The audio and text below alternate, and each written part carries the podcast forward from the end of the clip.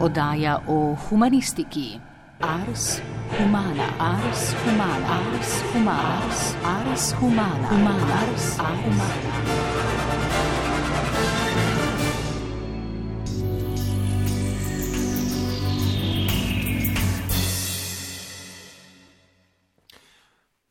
UNESCO je prejšnji teden na seznam svetovne naravne in kulturne dediščine upisal izbrana dela arhitekta Jožeta Plečnika v Ljubljani. Na breže Ljubljanice z mostovi od Trnovskega pristana do zapornic in Trnovski most, Vegova ulica z Narodno in univerzitetno knjižnico, Kongresni trg s parkom Zvezda, Arheološki park pri Rimskem zidu, Plečnikove žale ter cerkvi svetega Mihajla v Črni vasi in svetega Frančiška Asiškega v Šiški so odslej na seznamu svetovne in naravne kulturne dediščine. Bežen pogled na UNESCO seznam razkrije, da je na njem 1154 enot, od katerih so jih tri v zadnjih 12 letih umaknili, 897 enot zaseda kulturni del seznama, 218 naravna čudesa, 39 enot pa spada tako v kulturo kot naravo. UNESCO seznam sicer vsebuje znamenitosti v 167 državah. Kaj torej upis pomeni za Slovenijo, plečnikovo zapuščino in blagovno znamko ter ljudi, ki živijo s plečnikom? Ali se bo v prihodnih letih zaradi upisa spremenil tudi odnos slovencev in slovenk do plečnikovih del in arhitekture nasploh? Gosti v studiu so Mateja Kavčič, strokovnjakinja za stavbno dediščino, restauriranje in konzervatorstvo Zavoda za varstvo arhitekturne dediščine. Pozdravljeni. Dobar dan. Janez Kožel, podžupan mestne občine Ljubljana. Dobar dan. Dobar dan, želim. Tomaš Štoka, koordinator projekta upisa plečnikovih del na UNESCO seznam iz Muzeja za arhitekturo in oblikovanje v Ljubljani. Dobar dan. In pa Mirko Simončič, župnik v cerkvi svetega Mihajla v Črni vasi na Ljubljanskem barju. Dobar dan. Dobar dan. Gospa Kavčič, koliko let inštitucij, posameznikov in posameznic, pa ne na zadnje tudi denarja je potrebnega, da država določene objekte ali pa znamenitosti upiše na UNESCO seznam? Um, zelo različno. Uh, seveda je vse odvisno od vseh teh komponent, ki ste jih našteli, uh, ampak če začnemo na našem primeru, nam pravzaprav uh, je uspelo v kar precej kratkem roku uh, izpeljati ta projekt. Um, začel se je že, tako kot naši predhodniki, sodelavci v tej skupini, ki je pripravila nominacijo, opozarjal se je zadeva začela že tam v prvem desetletju uh, po letu 2000, se pravi od leta 2009 dalje, če se ne motim, če ne me bojo popravili. 11. Ja, potem pa je bila od leta 11 imenovana nova skupina, v kateri sem jaz sodelovala in je delala do pač, se pravi, zadnjih deset let. Denar, ki je bil to vložen, uh, zgleda na prvi pogled velik, nekih, uh, mislim, da je bilo 430 tisoč evrov. Ampak treba je podariti, da to ni denar, ki je šel v neke honorarje in neko delovanje inštitucij, ampak izključno v spomenike. Za ta denar je bilo pripravljene veliko dokumentacije, pregledanega veliko gradiva. In narejeni so bili projekti, ki so danes uh, last uh, upravljavcev in ki, s katerimi lahko pač začenjajo pravilne posege in postopke na svojih spomenikih. Tako da um, to je pravzaprav nek zelo kompleksen poseg in če primerjamo z drugimi nominacijami, podobnimi upisi, kot so recimo Corbizije ali pa Sidnijska opera uh, arhitekta Utsona, uh, so trajali ti upisi mnogo, mnogo dlje, 20 in več let, ker pač uh, je bilo treba očitno v tej sami pripravi uskladiti mnoge, uh, mnoge zgodbe. Gospod Štuka. Ja, mislim, res je zelo kompleksne uh, procese. Pač mi mogoče bi začel tako. UNESCO ne predstavlja dodatne zaščite za dediščino, ampak za UNESCO moraš sam postaviti de, varovanje dediščine in delovanje dediščine na en nivo. Tako, sama država je zavezana k zaščiti. In zdaj, tekom teh deset let, ko smo delali na plečniku, smo delali pač res tako sistematično na vseh nivojih, na nivoju interpretiranja, varovanja, ohranjanja, upravljanja. In v tem času je pač nam ta nominacijski proces prinesel neko množico pozitivnih rezultatov, ki so spremljali to nominacijo. Se pravi, pripravljali so se novi konzervatorski načrti, upravljavski načrti, odlog, z, z, odlog o imenovanju plečnika za spomenik državnega pomena je bil močno nadrejen in pač en kup druge stvari. Tako da uh, res je dosti kompleksen postopek, ampak na koncu je bilo vredno. No? In smo postavili pač inštitucije in vsi, ki smo pač povezani s plečnikom, smo se v tem procesu povezali in uh, ja, danes imamo nek rezultat. Torej, če prav razumem, gre tudi za to, da država sama zauzame še bolj resen pristop do te dediščine. Ne? Tako pač gre se skozi neko sistematizacijo, za pač uh, postaviti neke tudi standarde UNESCO na pač različnih nivojih. In ja, pač dejansko smo s tem upisom, teh, pač z nominacijami, potem upisom, pač veliko doprinesli k plečniku. Gospod Koželj, kaj je bolj pomembno? Kopica olimpijskih medalj ali upis plečnikovih del na UNESCO seznam? Slednje, ne. Ker čez tri leta izjemoma bo naslednja olimpijada in bodo novi olimpioniki in bodo nove medalje, bodo novi dosežki. Uh, vsi ti dosežki bodo šli v zgodovino olimpijskih iger, medtem ko pa plečekova dela so pa del svetovne zgodovine. In njihova vrednost je neprecenljiva tudi v drugih smislih, predvsem, ker gre za brezčasno arhitekturo. To ni arhitektura, ki mineva, kot minevajo slogi ali pa kot mineva recimo moda, ne? ampak arhitektura, ki je bila zasnovana kot večnostna, kot perenis, kot arhitektura za vse čase, recimo, da se mi zdi tako lepo. To je ta veliki arhitekturni lep, ideal. Ne? Uh, lep izraz. Ne, tudi, tudi ona je taka, ne? ona je bila tako zamišljena. Veste, tak je bil pač mojster. Ne? Mojster je pač imel to vizijo. Ne? A veste, naredite arhitekturo, ki bo prepoznavna tudi čez 500 let. Ne? In arhitektura, ki je seveda ki nima nekega časovnega obeležja. Ne? Ona uporablja sicer jezik različnih drugih arhitekturnih, rekel, zgodovinskih virov in izvorov, ne? od egipčanskega do ne, grškega, rimskega in tako naprej, ampak vendar, vendar eh, z namenom, da bi bila jasna, da bi bila prepoznavna, da bi bila čitljiva, bi lahko rekel. Ne? Mi rečemo arhitektura parlante, da bi, da bi, da bi jo prepoznali kot arhitekturo, ne? ki ima določeno sporočilo, ki obeležuje tudi, ne, kaj, kaš, kje je nastala, v čemu služi, kakšen je njen zgodovinski izvor, kakšna je njena simbolna vrednost, kakšna je njena uporabna vrednost. Ne. Zato je to, seveda, ta upis uh, neprimerljiv. No. Če ga da. Čemorkoli drugmu, kar ste recimo vi našteli. Tudi s nekaterimi drugimi arhitekturnimi stvaritvami, ne.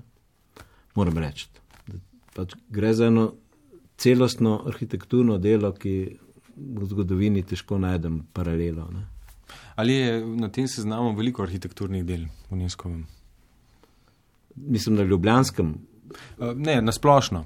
Če bi primerjali recimo plečnika arhitekta z ostalimi arhitekti, ki so na tem seznamu. Je, seveda, ker pač predvsem mesta, ki so zgodovinska mesta, ne, imajo, recimo Rim, imajo, ne vem, čez 50 upisal. Ne. Seveda je tega veliko, ne. ampak zato pa govorim, da je o posebnosti, specifičnosti, o posebni vrednosti, bi rekel, ljubljanskega opusa. Ne. Ker tukaj gre za, kot rečeno, arhitekturo mesta, bi lahko rekel. Ne. Tukaj gre za vizijo, kako iz enega provincialnega, neznanega mesta ustvariti neko narodovo prestolnico in ne, veste, in poustvariti zgodovino tega mesta. To je izjemna ideja. Danes, zato pravim, da ni, ni primerljiva s katero koli drugo. Ne.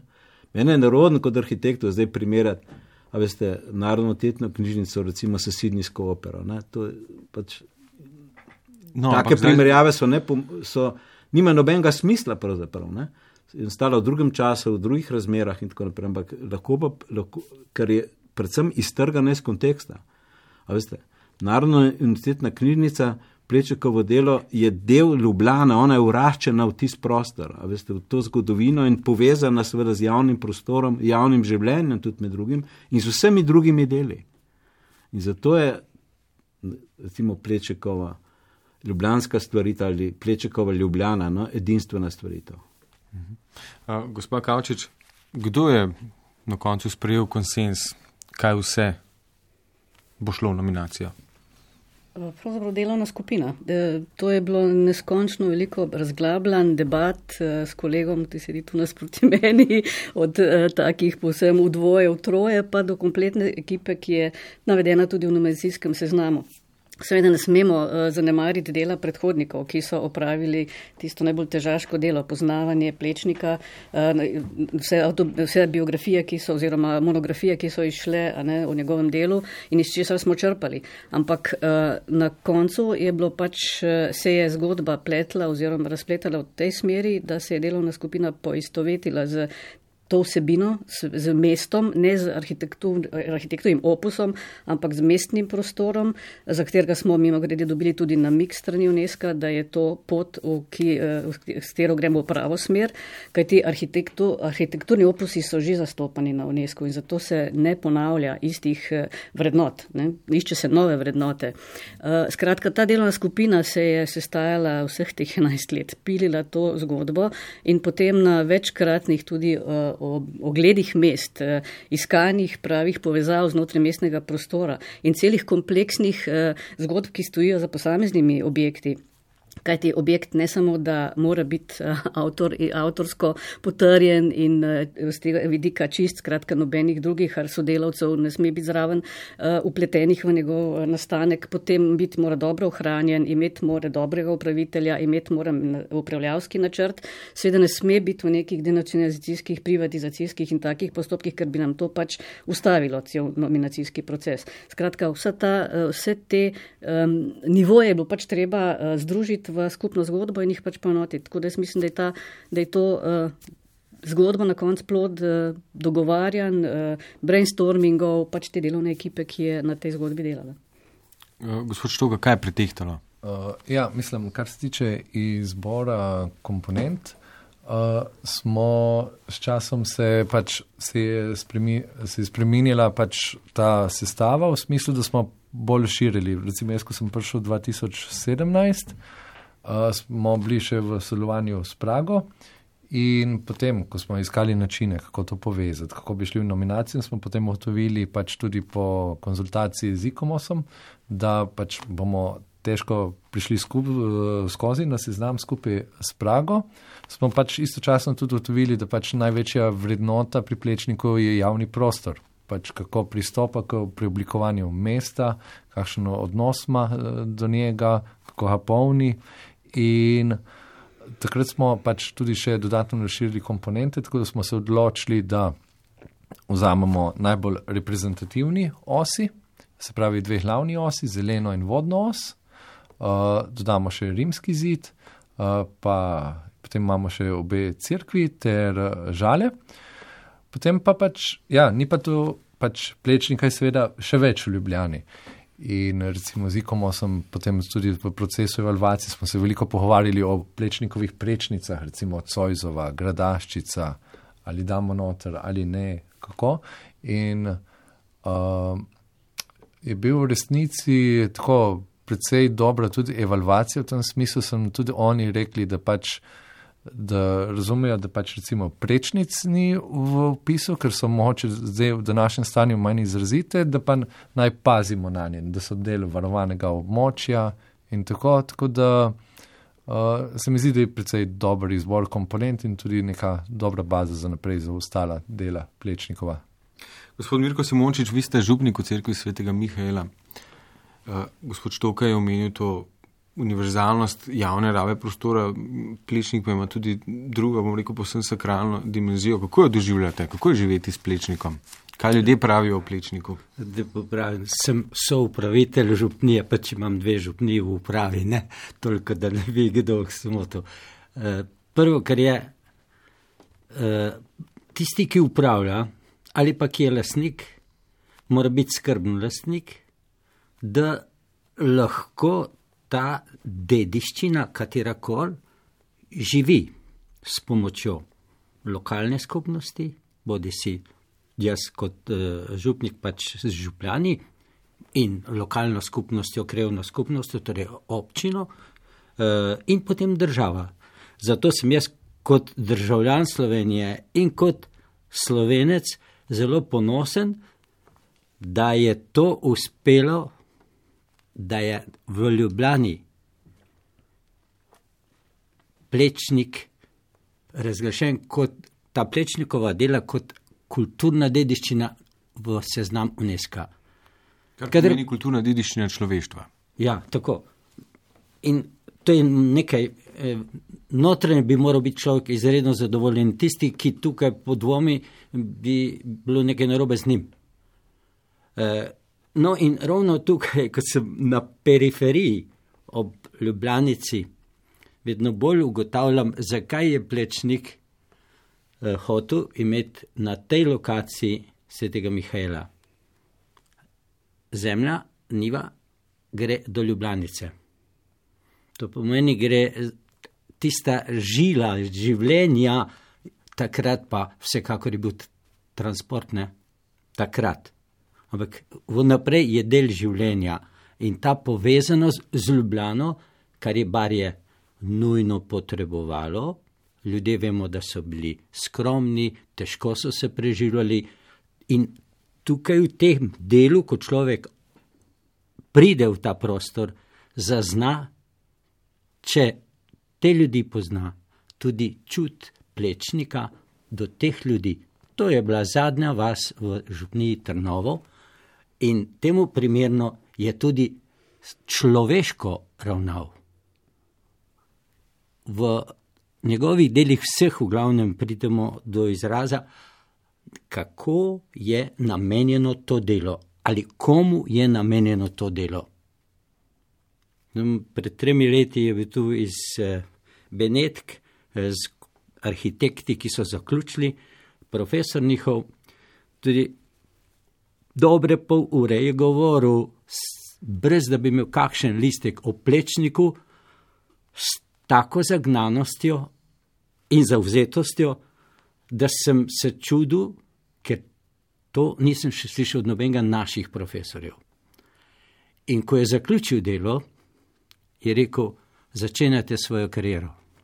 Če hočete biti pravi arhitekti, da boste notranje srečni, zadovoljni, prvo, postavite prostor, da bo služil namenu. Dobro poslušajte naročnika in komu je namenjeno, in ne izkoriščajte ga. Predodaj smo se pogovarjali tudi o občutju, ki ga imajo ljudje, ko vstopajo v sakralne objekte, ki jih je oblikoval Plečnik.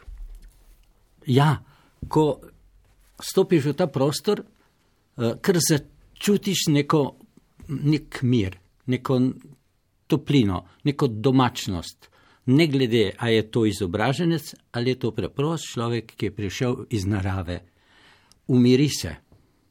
In uh, tam naj bi človek pomirjen, zopet pozitivno deloval, kamorkoli gre. Torej, tukaj gre za sakralni prostor, ki ga je naredil, in vendar ta sakralni prostor na vsakem korakčku, vsakem pol metra nam govori, kako se umiriti, kakšno sporočilo daje, da bi zmogel v življenju prinašati notranjo srečo za sebe in za drugega. In temu primerno kot verniki lahko to odkrivajo. Druga plat eh, teh občutij in dimenzije je tudi javni prostor, gospod eh, Janez Kožel. Eh, tako kot pri veliko temah v Sloveniji, smo tudi pri plečniku razdeljeni, pa me zanima, plečnik sam zase je že prava blagovna znamka, kot lahko slišimo tudi gospoda Simončiča v predavanju italijanskih profesorjev. Zakaj Slovenci vedno, ko se zgodi nekaj velikega, podvomimo? To je del naše narave. No? Jaz ne znam uh, si drugače to razložiti, ker pač uh, imam jaz pač drugačno naravo. Ne? Zato še veliko bolj, z veliko več grenkobe občutim to, da bi se morali nečemu razveseliti, ne? ker je nam blizu, ker je del nas, ker pleček je del nas. On je del vsakdanjega prostora. Ljubljane. Veste, ko gremo po Ljubljani, vidno, ne smo z njim v stalnem stiku in ko vstopimo v njegove prostore, ki nas malo posvetijo in tudi prosvetlijo, bi lahko rekel, to tudi neuki ljudje takoj začutijo neko zvišenost, neko, ne, ali tudi pomiritev, ali kakorkoli že je dvigovanje svetlobe, ampak oni to začutijo, to je duh pleček arhitektur, on je med nami. Ampak namesto, da bi se tega razveselili, da je nekdo zdaj prepoznal, ne, veste, da je to svetovno prepoznano, ne, se je odločitev prišla z daljne Kitajske. No, ne, ni res. Nas v bistvu to takoj pravzaprav navzame ne, iz neko grenkobo. Ne, a veste, da hočemo zdaj to umazati, hočemo s prstom pokazati na tisto, kar še ni idealno. Ne. A Kdo, veste, kdo recimo, stroka, mediji? mediji in stroka, vse smo mi taki. Mi smo, tudi navadni ljudje so taki, da, da se ne razveselijo, tako kot se športnih dosežkov razveselijo. Se tudi ne, ker bodo zdaj ugotavljali, marsikaj, ne, kaj, kdo stoji za kakšno reprezentanco, odkje je, koliko je kdo dobil plačan, mogoče kakšna bo zavrnina za Luke, Luka Dončiča. Ne. Ljudje vedno ugotavljajo tiste slabe strani in hočejo pravzaprav nam preprečiti, da bi se veselili samega sebe. No, in to je, to je ta, jaz, da ne bi, lahko vam razpre, raz, razpredam, ne, uh, veste, ka- kakšna je ta narava, ne, ampak v bistvu ona je taka. Ampak dajmo se ga razveseliti. Ne. Prav iz tega, ne, kot je gospod Župnik lahko povedal, ker je del nas, de- del našega čutenja. No. On je nam izboljšal tisto, kar je tudi vedno želel. Ne? Naše duhovno življenje obogatil s svojo arhitekturo. On je dvigal, kul- dvignil kulturno raven našega ljudstva, saj tistega, ki, ki pride v stik z njegovimi deli. In to je tista najpomembnejša, na, najbolj plemenita nota v njegovem delu. Kaj, kaj ta opis pomeni za Ljubljano in za identiteto Ljubljane kot uh, plečnikovo mesto? V bistvu pomeni priznanje. No. Jaz, če smem po domače reči, priznanje vsem tistim, ki so v 20 let, od 20 let naprej podpirali plečnika. Ne. Sem je bilo vse čas težko delati, ne. se vse čas je zmagovalo sredstev, vse čas je zmagovalo volje tudi, ne. ampak vendar vsem tistim generacijam ne, pred nami. Se mi zdi prav to povedati. Vsem tistim, ki so pred nami, ne, se tudi nekako obrača k plečniku in ga poskušali pravzaprav hraniti, tudi včasih, ki mu niso bili naklonjeni. Veste, Kot danes je pozabil, ne, da, da žale niso delovale, one so bile zaprte kot vrtceh svetih in tako naprej. Ne. In vrsto raz, takih pač nečednosti bi lahko rekel, se je dogajalo, ampak vendar so bili ljudje, ne, je, je bila neka skupnost, bi lahko rekel, ki je obdržala plečeka vse čas, ne, ki ga je ne samo spoštovala, ga tudi ga ohranila do danes. In seveda je to priznanje tudi vsem nam, ki smo ga nekako študirali, moram reči, mi smo ga do potankosti pravzaprav popisali, razumeli in razložili skupaj s kolegicami in kolegi, ne? do konca. Ne? To je arhitekt, ki je, je zapustil ogromno del, ne? samo jih je več kot 125, ne, veste, ampak oni so detančno preštudirani, kot je gospa povedala. Ker je bilo zelo neverjetno pomembno narediti evro komplet. Ne? To je, se redko kdaj zgodi pri takem ogromnem opusu, ne v Ljubljani, v Sloveniji, na področju nekdanje Jugoslavije, potem seveda na Češkem in v, v Avstriji. Ne? In seveda to delo je bilo upravljeno in to, to, to delo je bil potem temelj take nominacije. Ne? Veste, če, gospod Župnik, vi ste omenjega profesora iz Benetk, ne? ampak prvo tako delo v italijanščini recimo, je, je šla neka revija AB, posvečena plečniku z naslovom Il ritorno del mito, jo je izdala IOV, to je fakulteta za arhitekturo v Benetkah v 80-ih letih. Skratka, Pleček je bil proučevan po celem svetu že ne? in zato je priznanje vsem tem, ki so študirali njegovo modularne sisteme, njegovo simboliko, veste, in vse tisto, pač njegov kontekstualizem. Pa, pač to je en arhitekt, ki je, po mojem skromnem mnenju, ne? izredno podrobno in vsestransko obdelan. Zato je tudi priznanje vsem tem. Zdaj, na koncu, če, če mi dovolite, je seveda tudi priznanje sodobni ljubljani. Kajti vse stavbe in vsi prostori, ki, jih, ki so v lasti občine, so bili v zadnjih 10-15 letih obnovljeni. Vsi, to se, ne samo kongresni trg, ki je bil rekonstruiran dobesedno, ne samo obnovljen, ampak tudi vse ostalo, tudi rimski zid, no, da ne bomo vse naštemo, tudi tromostovje. Ne, In tako naprej, no, ker verjetno poslušalce ne zanima toliko statistika, ampak vse je bilo prenovljeno in zadnjo njegov, njegov dom, njegovo demovanje, ker deluje muzej, ne, Plečukova hiša. Skratka, tudi priznanje za to skrb ne, in spoštovanje, ki se najbolj izkaže s tem odnosom do tega. Ne. Zato se mi zdi, da je to res ena velika stvar. Ne? In ponavljam, in dajmo se veseliti tega, ne? tega spoznanja med drugim. Včeraj so zaploskali. Je morda vrstitev na seznam tudi uh, garancija za prihodnje odločevalce, za prihodnjih sto let, da bodo še bolj zvesto sledili tem, bom rekel, plečnikovim arhitekturnim uh, arhetipom. Da bi cela Ljubljana. To, jaz verjamem tudi v prihodne generacije. Mi, mi smo generacija, ki zaključuje svoje delo. Ne?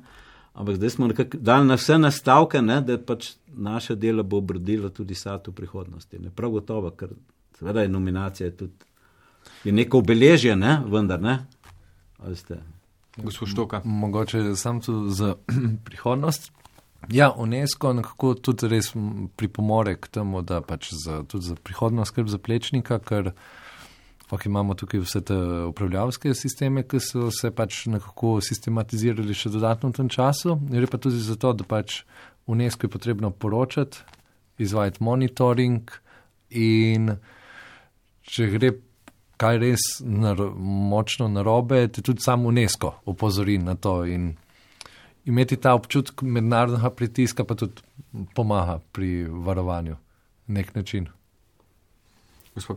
Jaz bi pa replicirala samo na to prejšnje vprašanje, ki ste ga zastavili, profesor Koželju, um, ki je bilo, zakaj se tega ne zavedamo dovolj. Oziroma, ne, uh, Namreč če, govori se o plečniku, res ja. veliko ja, piše, ja, ja. Mediji, mediji sledijo uh, vsem dogodkom, ampak se mi zdi, da se med splošno javnostjo nekako ta pravo zavedanje pa ne prime. Ne prime še, ja, jaz mislim, da če, se, če že primerjamo s športom, bi dala kar odgovor, ki ga je športnik Vehovar dal za, za slovenski šport. Kaj se je zgodilo slovenskim športnikom, da so tako uspešni? Rekl je zelo preprosto. Uh, prekinili so s to uh, uh, fikcijo v glavi, da so majhni. Uh, odmislili so to zgodbo in ugotovili, da so lahko uspešni, da so lahko prvi, da so lahko najboljši. In to je tudi pri plečniku dokaz, da je naša arhitektura lahko to, točno to, da je v naša in da ne govorimo le samo o avtorju, ker to je tudi glavna uh, poanta tega opisa ne gre za avtorski opus, gre za kakovost bivanskega prostora, ki ga je ustvaril. Gre za kakovost ljubljanskega mestnega prostora in to je vzor za vse svet. In ta uh, kakovost je pravzaprav odgovor na današnje um, povsem aktualne zahteve da, se, da je treba delati prostor primeren za človeka, da je treba trajnostno uporabljati materijale, da je treba uporabljati trdna gradiva, da je treba uh, omogočati oziroma usposabljati uh, rokodelce, obrti, lokalne stvari, ki, bo, ki, ki delajo dobre produkte.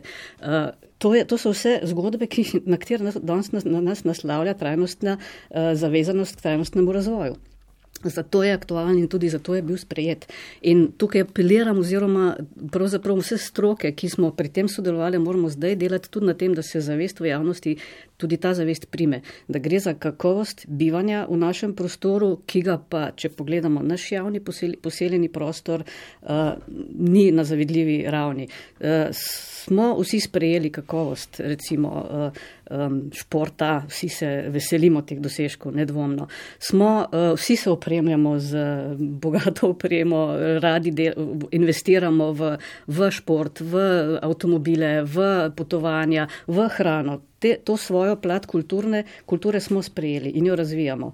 Bivalniško kulturo pa še, še vedno zanemarjamo. In še vedno je ta prispodoba novega v prostoru več vredna kot prispodoba dediščine.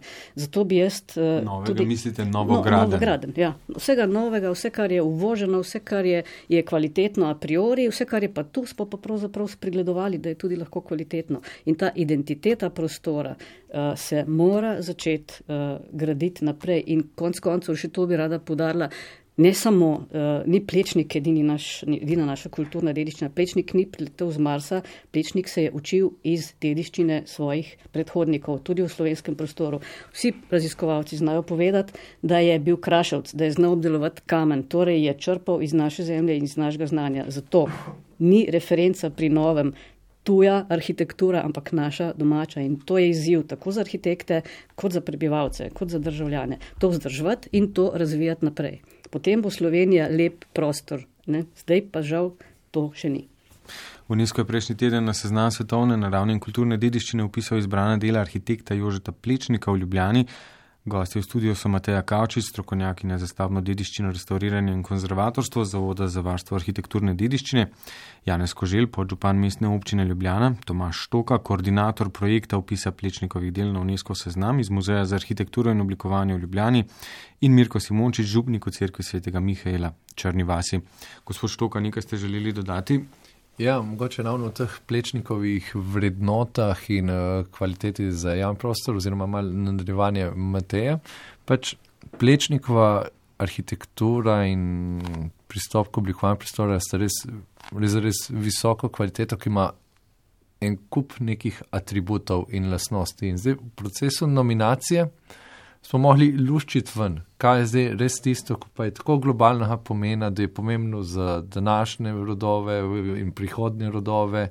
Uh, in kaj odgovarja, kar bo, nekaj, kar bo večno aktualno. In smo prišli ravno do tega, da pač da ta plečnikov javni prostor, kako pač pristopati k prostoru. Namreč, ne vem, plečnik v svojem času je bil Mislim, plečnik je bil res zelo velikopotezne ideje, hkrati pa zelo intimne. Uh, bil je še ubral je neko svojo pot, recimo v tistem času, ko se je začele močno razvijati ideje Le Corbusierja in ostali, recimo Bauhausa in ostalih modernistov.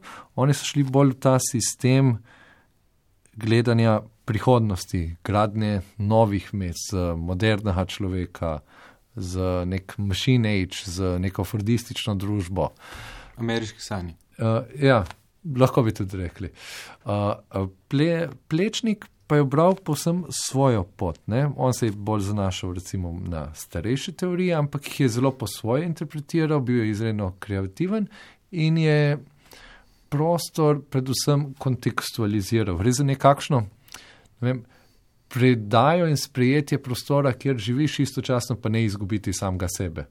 Uh, plečnik išče različne nivoje mesta, arhitekturno dediščino, uh, zgodovino, topografske danosti in en kup lasnosti mesta in jih poveže v neko celoto in vse čas misli na uporabnika, ki si ti noter in ti naredi en parkour v mestu, nek uh, si, on si pač, on je naredil nek set ulic, parkov, trg, uh, trgov, mostov in drugih javnih prostorov in stavb, ki so pač povezani neko smiselno celoto.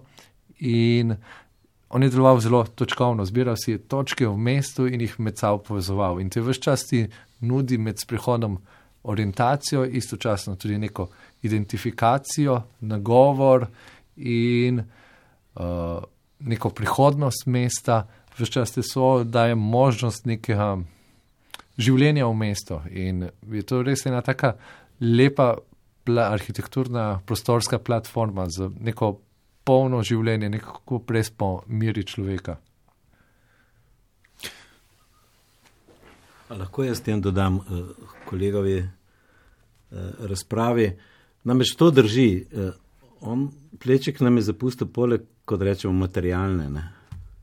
Dedič je tudi neko duhovno dedičino, ki se kaže, ki se razodeva v tem, kako je razmišljal v mestu, ne? kako je razmišljal o človeku in kako je razmišljal o oblikovanju identitete mesta.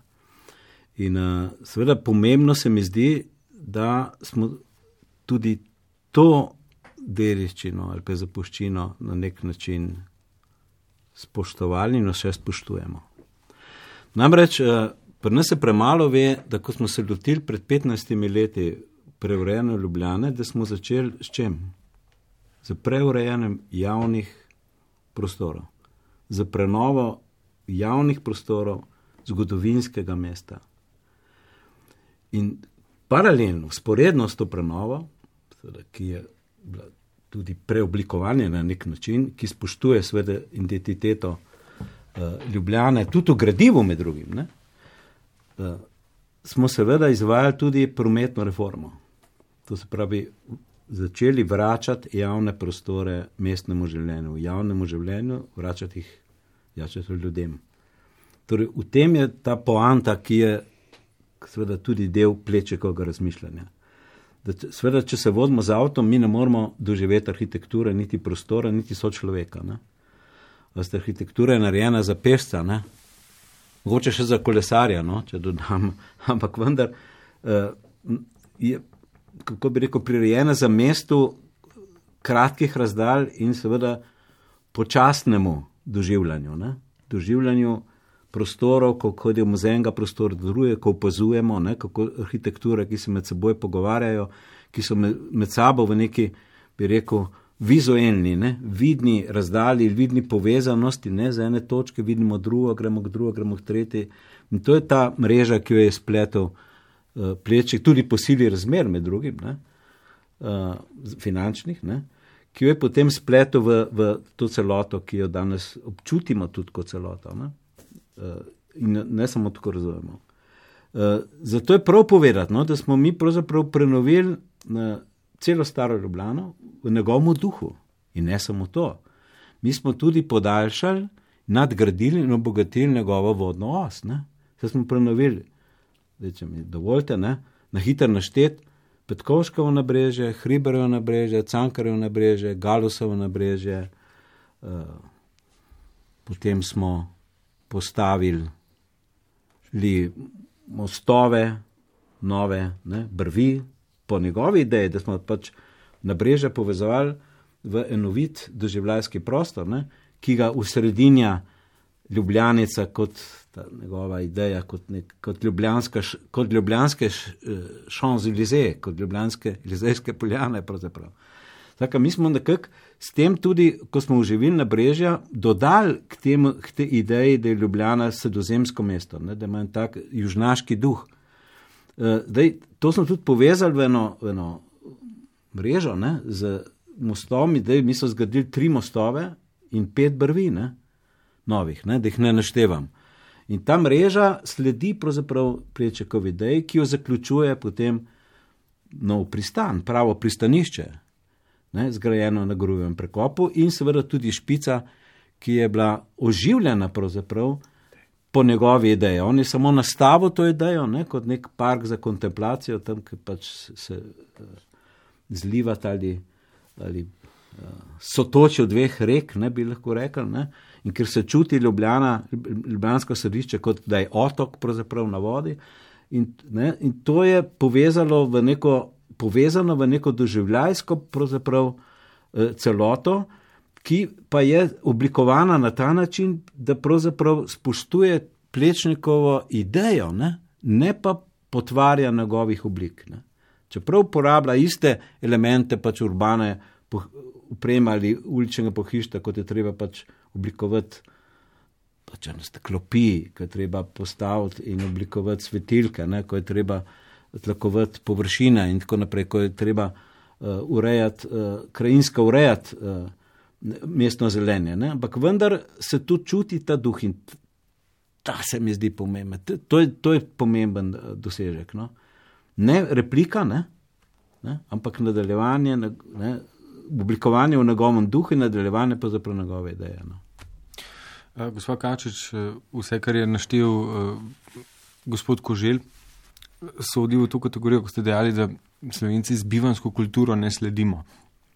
Urbanizem je sicer tema za kakšno drugo oddajo, ampak vendarle me zanima, tako sakralni objekti kot navadni objekti, ali bo morda ta upis na UNESCO seznam uh, odločevalcev omogočil omejitev te, te, te epidemije uh, novograden, kjer se maksimizira dobiček. Zadnjič je eden od slovenskih arhitektov v intervjuju za, spletni, za spletno stran Radio Televizije Slovenija dejal, da mesar z milijonom evrov pride do arhitekta in reče, nariši mi na tem kosu zemlje največ blokov, kot je mogoče.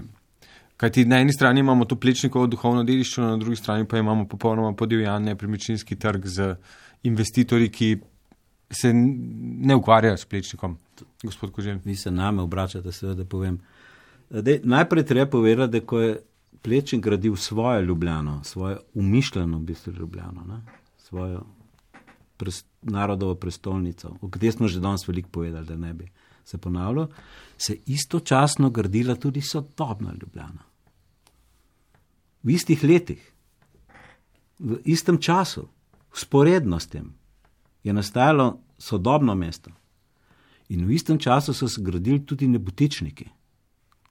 To ni proizvod tega turbokapitalizma, ali kak, kakorkoli že imenujemo čas, v katerem živimo, ne, podivjanega in tako naprej, ampak gre pravzaprav za eno sožitje dveh, dveh, kako bi rekel, dveh procesov. Na eni strani varovanja in bogatenja te zgodovinske identitete, ne, zgodovinske kontinuitete mesta, ki se ki pravzaprav gradi na duhu prostora, na tako enem geniju loci. Ne?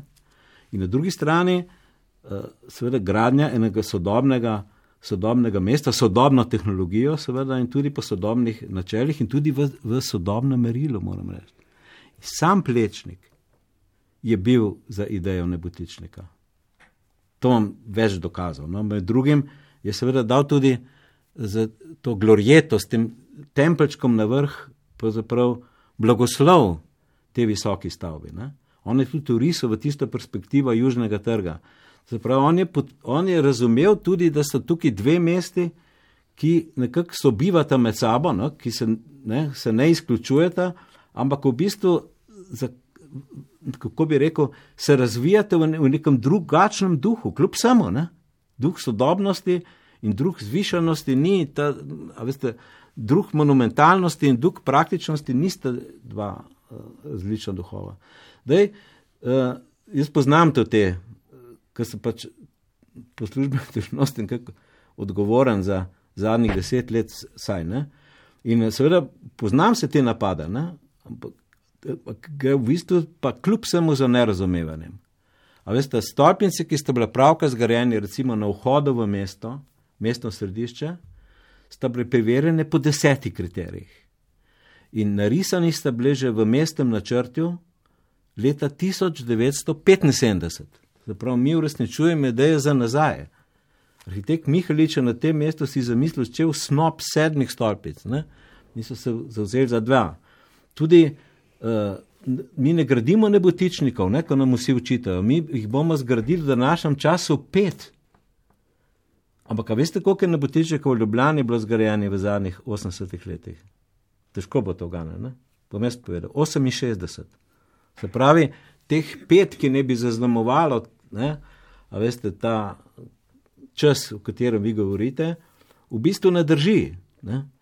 Praktično, če smem povedati, ne, je kljub samo tudi del urbanizma, da gradi po nekih normah, ki, so, ki sledijo tudi neki ekonomski uh, upravičenosti. In seveda, bistvo urbanizma je, da da tem splošna merila, ne, splošna določila, ki, ki veljajo za vse. Ampak to, da mi učitamo nekoga, da bi rad na enem zemljišču uh, maksimiral, bi rekel, dohodek ali vložek, je legitimno, to je osnova. Sam urbanizem je tisti, ki da seveda temu, temu kako bi rekel, pričakovanemu uh, uh, izplenu, no, da pravimo ta izraz, mero in, mu, in, in to mero, s, s to mero, ko jo razglasi za splošno, za splošno mero, seveda ustvarja tudi velike kompozicije. Tako da tukaj je, sta le dva projekta. No, Plečekov projekt ni projekt sodobnega mesta in v bistvu Plečekov urbanizem uh, je seveda ima neke vrednosti, ki jih lahko porabimo, predvsem kar se tiče humanega merila, ampak veste, humano merilo je zelo težko zmeriti. Med drugim, no, če, če mi dovolite, se je Plečekova katedrala Svoboda, ne, merila v višino, če se ne motim, 120 metrov, ne. To bi bil seveda daleko največji nebotičnik, dvakrat večji kot, kot so te nebotičniki, ki jih danes gradimo. In če pomislimo, da ga je hotel postaviti na vrh krajskega griča, ne, si lahko zamišljamo, kakšna, kakšna vizija pravzaprav enega, uh, enega merila, enega svetovljanskega mesta ga je pravzaprav zasledovala. Ne. Prihodnosti, ne, ja. tudi. Gospod Mirko Simončič, ali pričakujete v cerkvi svetega Mihaela v Črni vasi zdaj več obiskovalcev in kako se boste na to pripravili? To je normalno, da bo več obiskovalcev, turističnih ogledov in tako naprej. Temu primerno bo lokalna skupnost najbrž ponudila že zdaj rešujemo preko turističnih agencij, ki mi naročajo, povedo, nam je to težko, ker je to majhna žubnija, majhno, komaj lezemo skupaj, smo tudi v dolgovih ne? in tako uh, vsekakor uh, s trudom in povezanosti z lokalno skupnostjo, jaz mislim, da bo nekdo vedno na razpolago do sedaj, da je red, je tako, da se vedno obrašajo preko maila ali mobitela na mene, ja odgovarjam uh, in temu primerno poskrbim, da je prostor odprt.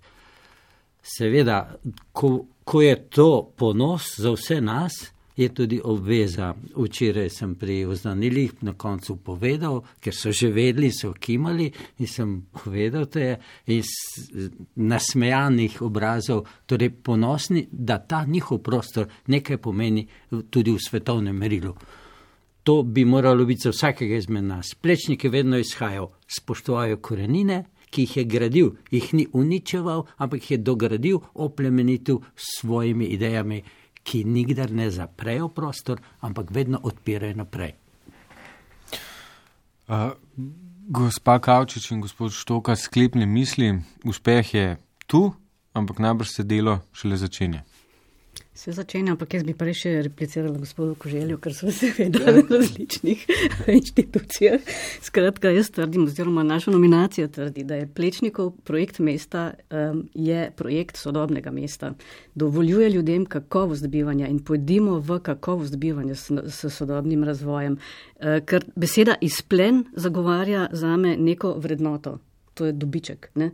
Beseda kakovost bivanja, ki jo pa zagovarja Plečnikov projekt razvoja mesta oziroma izgleda mesta, človekovega počutja v mestu je pa druga kvaliteta. In dajmo iti v, v smeri kvalitete. Sodobna arhitektura 70-ih, to profesor Kozel bolje ve od mene, je med novimi pozidavami, med vsemi temi omenjenimi stolpnicami, ki so nekatere zelo kakovostne, vrhunske arhitekture, dovoljevala zeleni prostor. In zeleni prostor je ena od vrednot, ki smo jo povdarili pri, pri plečnikov. Ga je imela dovolj. Danes so to res kvalitetni bivalni bloki. Današnja arhitektura prav zaradi tega izplena tega ne uh, omogoča. To vsi vemo, žal. In uh, Tu je pač zavezanost tudi vseh nas. Obstaja zakonodaja, obstajajo pravila in tudi ta zakonodaja se prilagaja danes izplenu. Ne? ne predpisuje več tako velikih odmikov, ne predpisuje zraka, ne predpisuje zelenja in zato se pač to seveda eh, dogaja lahko v prostoru. Ne, ne, ne zagovarjam, je legitimno, v razvoj je treba iti, nismo tradicionalisti, ki hočejo vse zabremzati, kot se nam rado uh, uh, uh, naslavlja na nas. Ne? Ampak uh, imamo kvaliteto in če jo ne bomo spoštovali, smo res, uh, mislim, smo res eh, vprašanja eh, vredni nasledniki te, te dediščine. Um, zdaj, vprašali ste tudi zavezah za naprej. Ohranjati to kvaliteto, bi jaz rekla. Zapisano je vse, dogovorili smo se že veliko in uh, zdaj tudi UNESCO nam je dal, in to mogoče uh, Tomaž malo bolj natančno povedal, nam je dal točne zaveze, kje pravzaprav pričakujejo oziroma vidijo, da se lahko uh, ta prostor, ki je nominiran, uh, razvija naprej. Ja, mislim, mm, to je tudi ena izmed teh pozitivnih stvari tega opisa. Je tudi to, mislim, trenutno smo se znašli v enem čudnem obdobju, mogoče, recimo, država želi eh, ukiniti javne razpise in prostor, vem. Če bo šlo tako naprej, bo vse skupaj vedno bolj neregulirano in vprašanje, kam bo smel še v ta prostor. In zdaj pri tej UNESCO opisu je zelo dobro tudi to, da nam je ICOMOS in odbor za svetovno dediščino naložil presojo vplivov. Se pravi, znotraj varovanega območja, če bo kakšen koli velik poseg uh, ali pač novo gradnja, bo potrebno tudi predhodno pripraviti presojo vplivov, se pravi, v spredju vzeti, kakšne so vrednote tega prostora, atributi, uh, kakšna je logika tega prostora, kaj je pomembno, kaj treba varovati, in pač znotraj tega presoditi, kakšen vpliv ima ta, bi imela ta nova stavba na vrednote prostora. Ne? Tako da. Zato sem zelo vesel, no, da nam je to pač nam naložili. Tako da uh, z, z, z, pravzaprav so prav izrecno rekli, da začeti moramo z nukom dve, s presojo vpliva. Uh, ampak tam mislim, da ne bo tako problematičen, bolj je lahko kid, uh, v nadaljevanju, kakšni drugi. Ampak uh, ja, tako da, ja, hkrati pa, kar se tiče teh zavez, pač, kot sem že prej rekel, gre za celostne stvari. Tako da nadejam se, tega, da se bo na vseh nivojih delalo naprej uh, pač in napredovalo, tako na ohranjanju, uh, upravljanju interpretiranju. Naslednje leto bo 150 let plečnikov rojstva, um, pripravijo se že nove razstave, možno za neka nova razmišljanja. Uh, in ja, jaz mislim, da je prihodnost uh, Ljubljano lepa. Gospod Koželj, je katedrala svobode realen projekt? Recimo v prihodnjih stoletjih? Ni realen projekt. Smo sodi v tako imenovane utopije, ki jih arhitekti proizvajamo, ne? ampak uh, utopije so tiste, imaj, tiste imajo velik, velik smisel, ne? ki so realne, uresničljive. Ne? Temu rečemo realne utopije, tiste, ki so toliko stran od uh, te sive realnosti, veste, in hkrati tako blizu možnostim. Ne? Da vlečejo naprej, da, da, da, da porajajo nove in nove zamisli. Medtem ko tako, tako drastične, tako radikalne ideje so, seveda, uh, so pač samo sanje. Ja, mogoče glede teh nerealiziranih projektov. Pač zanimivo pri njih je, da so v resnici doskrat v popolnem nasprotju s tem, kar je pa res. Ne, pa če zaplečti kaj značil na ta uh, ujemanje s prostorom in tima. Te načrti so pa tako monumentalni, ogromni. In kako plečnik pohostov v svojem procesu dela je šel tako, da začel je res na veliko, Potem pa je počasi zmeraj bolj prilagajal, prilagajal vse več risb in risb in tako dalje. Tako da na koncu je znal uloviti isto pravo mero med, da da prostoru tudi neko monumentalnost, digniteto, istočasno pa tudi neko intimnost in ujemanje. In jaz bi dodala samo še to, dajmo ohranjati in negovati tisto, kar imamo. Ja. Ker to terja veliko stroškov in veliko znanja in gospod Simončič in gospod Kožel veste, koliko je to treba truda vložiti uh, in pustimo te megalomanske projekte pri strani in razvijajmo ja. sodobno arhitekturo na temelju identitete. Dobro, da saj na enem področju arhitektura ne sledi olimpijskim igram. Gosti v studiu so bili Mateja Kavč iz Zavoda za varstvo arhitekturne dediščine, Janez Kožir iz mestne občine Ljubljana, Tomaš Toka iz Muzeja za arhitekturo in oblikovanje in Mirko Simončič, župnik v cerkvi svetega Mihaela v Črni vasi. Najlepša hvala, da ste bili gosti Radia Slovenija. Hvala. hvala. Ja, prosim, seveda. Za to ne poskrbel Vjekoslav Mikes, oddaja sem vodil Blaž Mazi. Hvala za pozornost. Oddaja o humanistiki. Ars humana, ars humana, ars humana, ars humana, humana, ars humana.